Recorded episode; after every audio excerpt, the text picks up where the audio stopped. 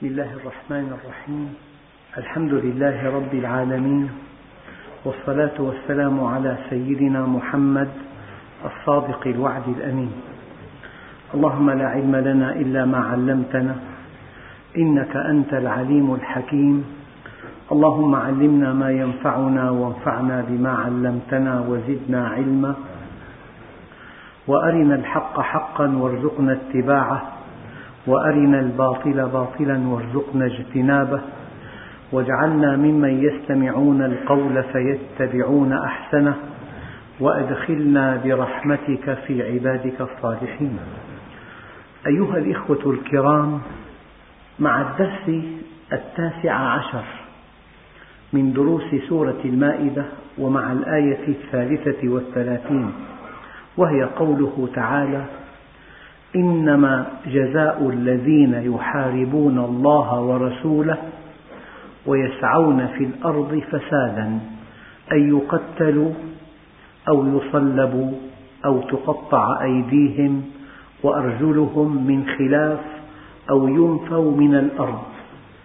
ذلك لهم خزي في الدنيا ولهم في الآخرة عذاب عظيم. أيها الإخوة الكرام كيف يحارب الله؟ الله عز وجل لا تدركه الأبصار الحرب بالمفهوم الأرضي أن تقاتل إنسانا وتستلب ما عنده أن تحتل أرضه أن تستولي على ثرواته أن تأخذ متاعه الحرب صدام لكن كيف يحارب الله؟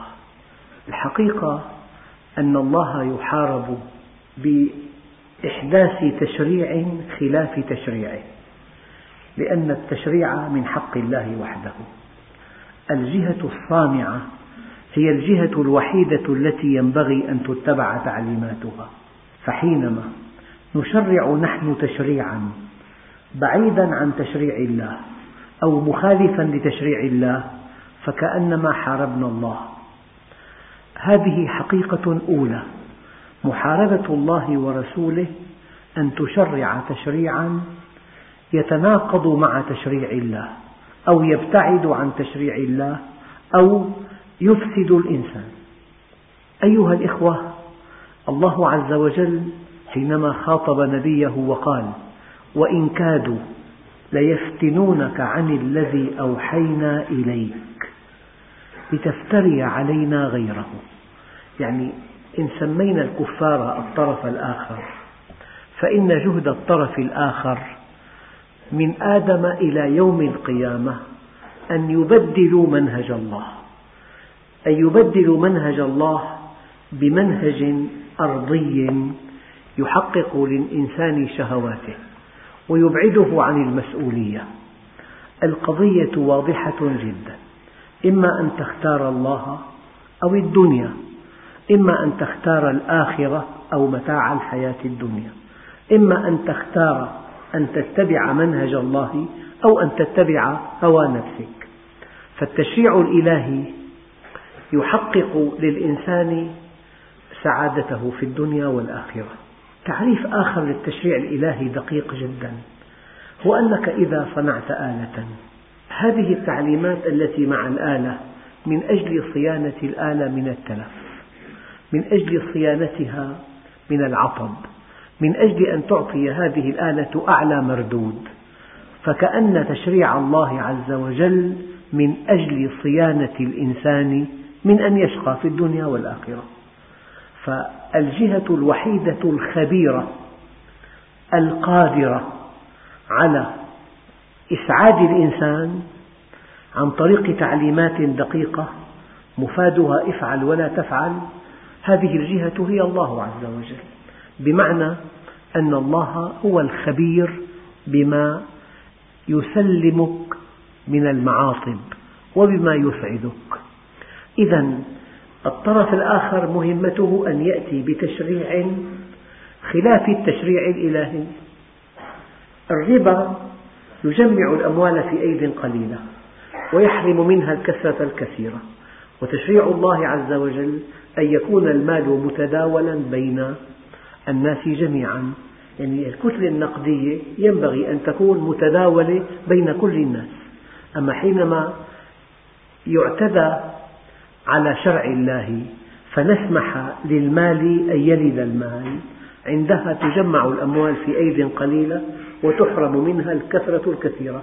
فنحن بتشريع الربا حاربنا الله. بمعنى أننا أحللنا تشريعا مناقضا لتشريعه. لأن الله سبحانه وتعالى أحل البيع وحرم الربا. فنحن شرعنا للربا. فلما شرعنا للربا صار هناك في كل بلد فرق طبقي كبير جدا. هذا وراء كل مآسي البشرية. يعني أن يمتلك عشرة بالمئة من سكان الأرض أن يمتلكوا تسعين بالمئة من موارد الأرض وأن يعيش الباقون على فتات هؤلاء العشرة بالمئة هذا يتناقض مع تشريع الله. فإذا قرأتم في القرآن الكريم قوله تعالى يحاربون الله أي يشرعون تشريعا يتناقض مع تشريع الله. تشريع الله عز وجل مهمته صيانة الإنسان من الفساد صيانته من الشقاء صيانته من التعاسة. لأن الله سبحانه وتعالى أدرى بمن خلق.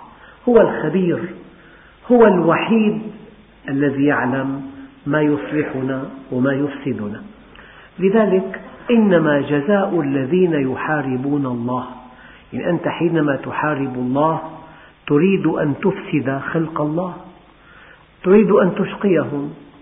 يعني هذه الفتاة حينما تدفعها إلى التبذل وإلى عرض مفاتنها في الأماكن العامة تحت غطاء حريتها وكرامتها وحقوقها وهي إنسانة تمثل نصف المجتمع.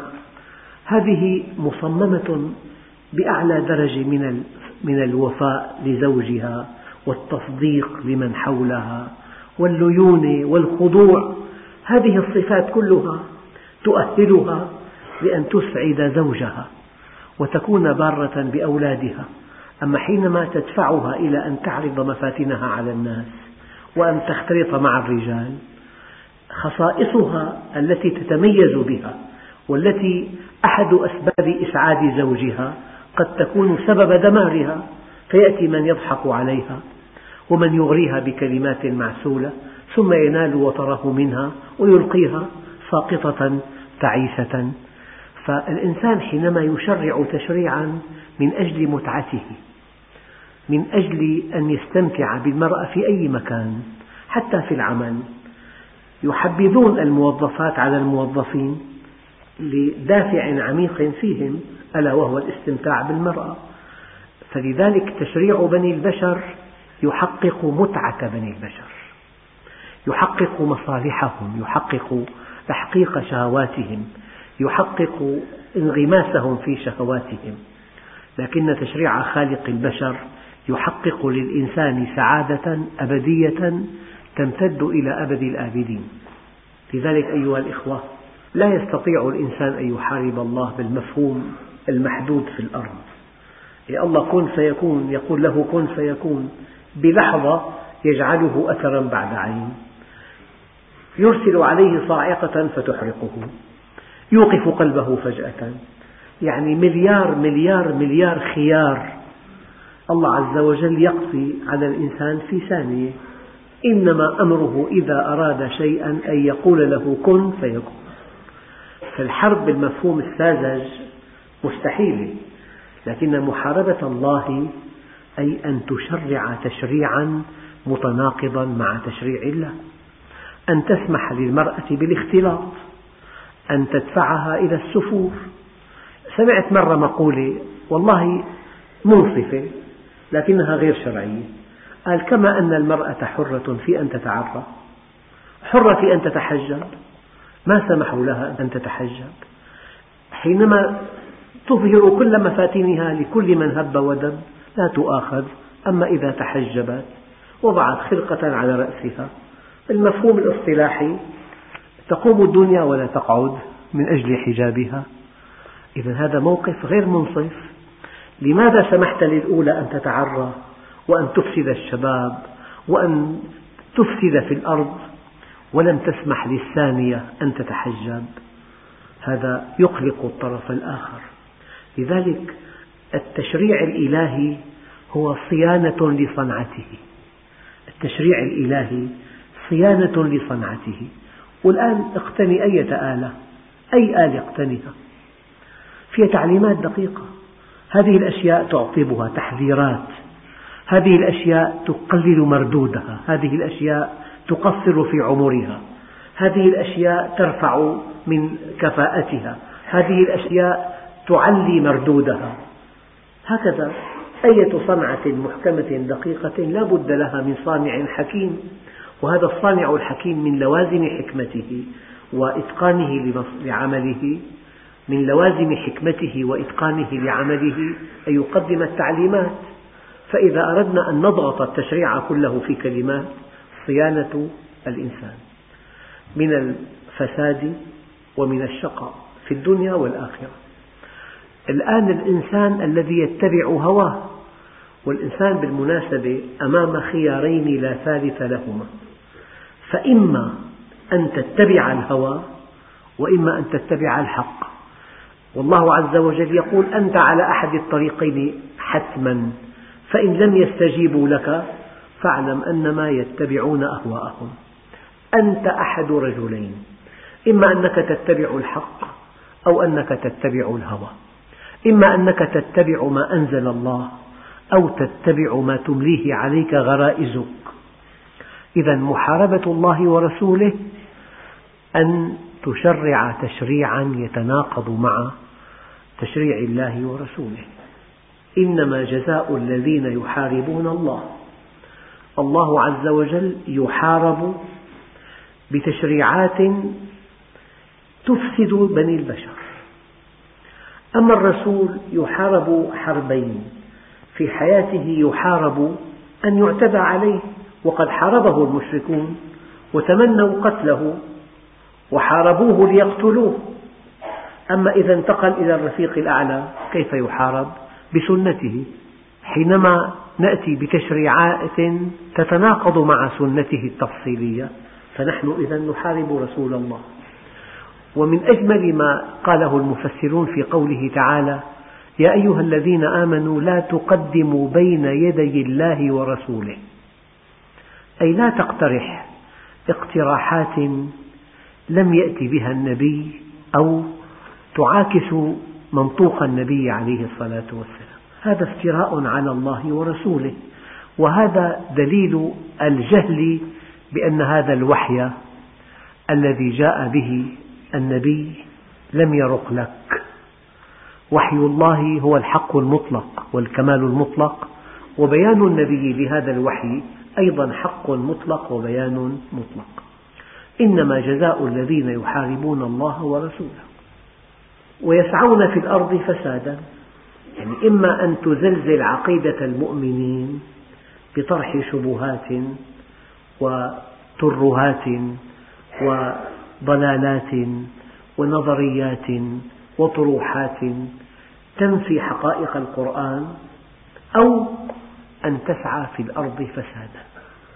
هذا الماء مصمم أنه لا لون له ولا طعم له ولا رائحة وله سيولة معينة وله خصائص معينة. فأنت إذا لونته أو غيرت طعمه أو غيرت قوامه أو جعلته ذا قوام أشد أفسدت طبيعة الماء. يعني هذه الفتاة خلقها الله عز وجل. إفسادها أن تعرضها للفساد. أن تضعها في بيئة تتعرض فيها للفساد. إفسادها أن تعزف عن الزواج. إفسادها أن تكون متعة محرمة لكل الناس. فمحاربة الله ورسوله تعني هذا. وإفساد إفساد الأطفال عن طريق تقديم ما يشوه عقيدتهم أو أخلاقهم عن طريق أفلام متحركة. يشاهدونها وهم صغار. هذا من إفساد الصغار من إفساد البنات من إفساد البيئة ويسعون في الأرض فسادا. يعني كأنك تستشف من هذه الآية أن الكافر مهمته الأولى إفساد عقيدة الناس وإفساد أخلاقهم من حيث العقيدة الدعوة إلى إنكار ما في القرآن والسنة. وإفساد أخلاقهم الدعوة إلى إفساد العلاقات الاجتماعية والعلاقات بين الجنسين بحيث تحل الإباحية محل الانضباط. هؤلاء الذين يحاربون الله ورسوله أي يعتدون على منهج الله يعتدون على آكد الأصول لسعادة الإنسان. لماذا هناك حدود؟ من يعتدي على الدين عليه حد ومن يعتدي على العرض ومن يعتدي على النفس ومن يعتدي على العقل ومن يعتدي على المال. هذه مقاصد الشريعة الخمس. الدين والحياة والعرض والعقل والمال. فإنما شرع الله كل هذه التشريعات من أجل صيانة الدين والعرض. والعقل والمال والحياة. من يعتدي على حياة الإنسان يقتل ومن يعتدي على ماله تقطع يده ومن يعتدي على عرضه يجلد ثمانين جلدة ولو بكلمة ومن يعتدي على عقله بشرب الخمر أيضا يجلد ثمانين جلدة. هذه حدود والحدود من أجل أن يسلم المجتمع من هذه الشرور.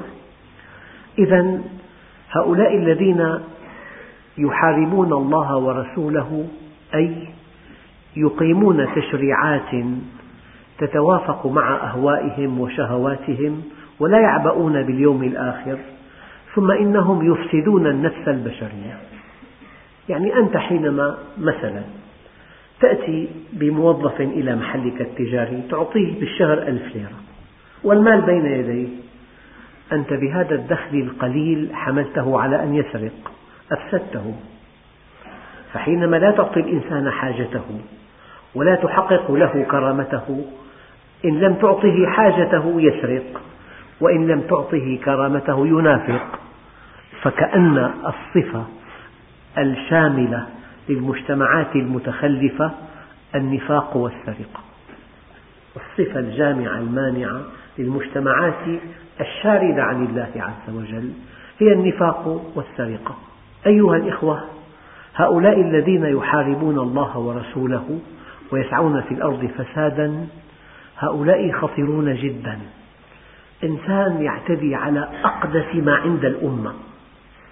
هذا ينبغي أن يعاقب أشد العقاب. إنسان يعتدي على أقدس ما تملكه المرأة عرضها. هذا ينبغي أن يعاقب أشد العقاب. قال أن يقتلوا أو يصلبوا أو تقطع أيديهم وأرجلهم من خلاف أو ينفوا من الأرض.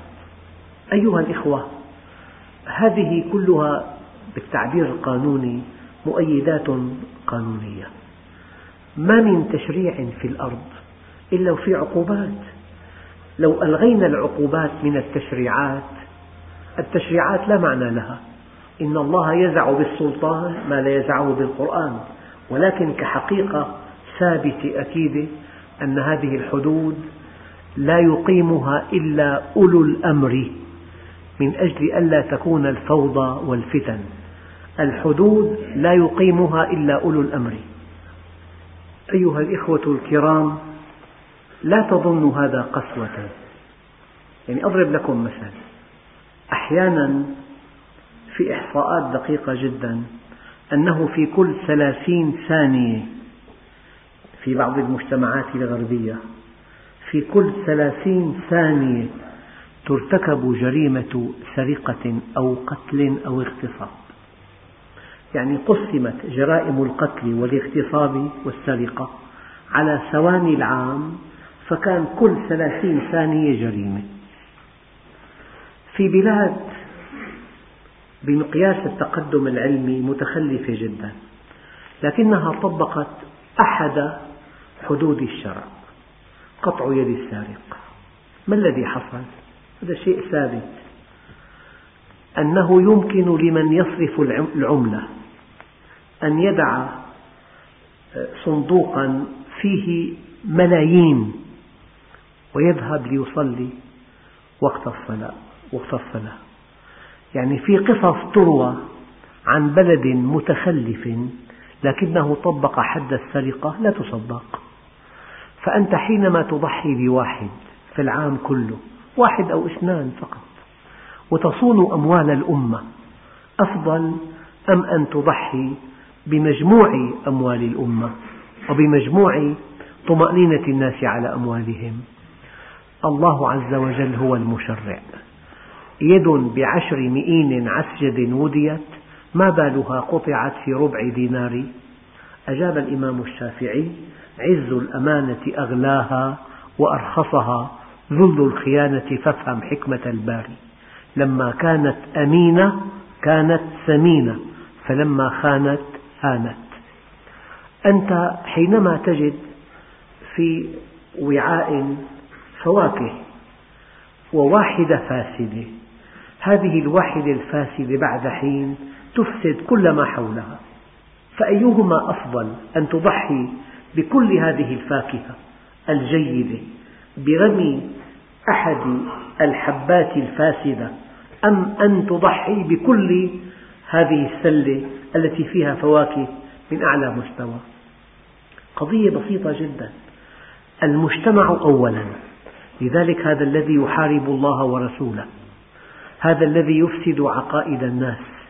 هذا الذي يحببهم بالدنيا ويزهدهم بالآخرة. هذا الذي يؤكد لهم أن الدين أفيون الشعوب. هذا الذي يقول لهم الدين شعور. ضعف الإنسان أمام قوى الطبيعة يوم كان ضعيفا. هذا الذي يبين أن الأديان ليس لها صلة بالسماء إطلاقا إنما هي اجتهادات من عباقرة عظماء. سيطروا على الناس وأتوا بهذه التشريعات. هذا الذي يبين للناس أن كل القيم الأخلاقية متبدلة من مكان إلى مكان وأنه ما يكون هناك حراما هو في مكان آخر حلال. هذا الذي يلغي الدين من حياة الناس يلغي الانضباط يلغي طلب الآخرة يلغي عبودية الإنسان لله عز وجل. يلغي رسالة الإنسان يلغي تكليف الإنسان. يجعل الإنسان كائن يبحث عن لذته وشهوته. يجعل الإنسان كائن آه، لا يتجه إلا لمصلحته. شيء لا يحتمل هذا الذي يحارب الله بتشريع أرضي يخالف شرع الله عز وجل. ويسعى في الأرض فسادا إفساد الشباب إفساد الشابات. إفساد الأذواق إفساد العلاقات هي كله إفساد. يعني الإفساد أن تفسد بنيته أن تفسد أخلاقه أن تفسد أذواقه أن تفسد علاقاته مع الآخرين أن تجعل المجتمع كالذئاب إن لم تكن ذئبا أكلتك الذئاب أن تلغي اتصال الأرض بالسماء أن تحاول أن تبعثر جهود الإنسان. أن تصرفه عن الدار الآخرة. إنما جزاء الذين يحاربون الله ورسوله ويسعون في الأرض فسادا. أن يقتلوا أو يصلبوا أو تقطع أيديهم وأرجلهم من خلاف أو ينفوا من الأرض. ذلك لهم خزي في الدنيا. ولهم في الآخرة عذاب عظيم. أنا يعني لا أغيب عن ما يطرح من أجل المعاصي. أن الإنسان عنده حاجات يجب أن تلبى. عنده واقع يجب أن يعيشه. هذه الفتاة لها فترة فتوة ينبغي أن تعيش وقتها أن تعطى ما تريد. هذه الطروحات طروحات شيطانية مزخرفة لكن الحقيقة هي التي جاء بها الوحي العظيم من عند الله عز وجل. ذلك لهم خزي في الدنيا ولهم في الآخرة عذاب عظيم إلا الذين تابوا من قبل أن تقدروا عليهم. يعني الحقيقة بالدساتير بالعالم في قاعدة أن القوانين لا يعمل بها رجعيا وإلا في ظلم شديد. يعني أنت تعمل عمل مشروع ومباح بعد حين يصدر قانون يحرم هذا الشيء. أنت لا ينبغي أن تؤخذ بهذا القانون الجديد. إذا إلا الذين تابوا من قبل أن تقدروا عليهم فاعلموا أن الله غفور رحيم. يا أيها الذين آمنوا اتقوا الله وابتغوا إليه الوسيلة. هذه آية نشرحها في الدرس القادم إن شاء الله. إلا الذين تابوا من قبل أن تقدروا عليهم فاعلموا أن الله غفور رحيم. يعني مثلا ارتكب ذنبا يوجب الحد. فأنت إذا قبضت عليه متلبسا بهذا الجرم يجب أن تقيم عليه الحد ومن يعفو عنه لا عفى الله عنه لأنه يسعى في الأرض فسادا أيضا. لكن إذا ارتكب ما يوجب الحد ثم تاب إلى الله توبة نصوحة وجاءك تائب ما دام تاب من, قبل أن تقدر عليه من قبل أن تضبطه بهذه المخالفة فهذا حقه محمي. عندئذ هذا يغفر له عند الله وينبغي أن يغفر له عند الناس. هذه قاعدة قانونية دقيقة جدا. يعني إنسان مثلا يعمل في تبديل العملات. لو طلع قانون يحرم التعامل بالعملات هل يجوز أن نضع هذا في السجن؟ يوم فعل ما فعل كان هذا مباحا. وضمن الأنظمة النافذة فإذا منع لا ينبغي هذا المنع أن يحاسب من ترك هذه الحرفة قبل صدور هذا القانون. هي قضية دقيقة جدا. القوانين لا تطبق بمفعول رجعي. نعم. إلا الذين تابوا من قبل أن تقدروا عليهم فاعلموا أن الله غفور رحيم.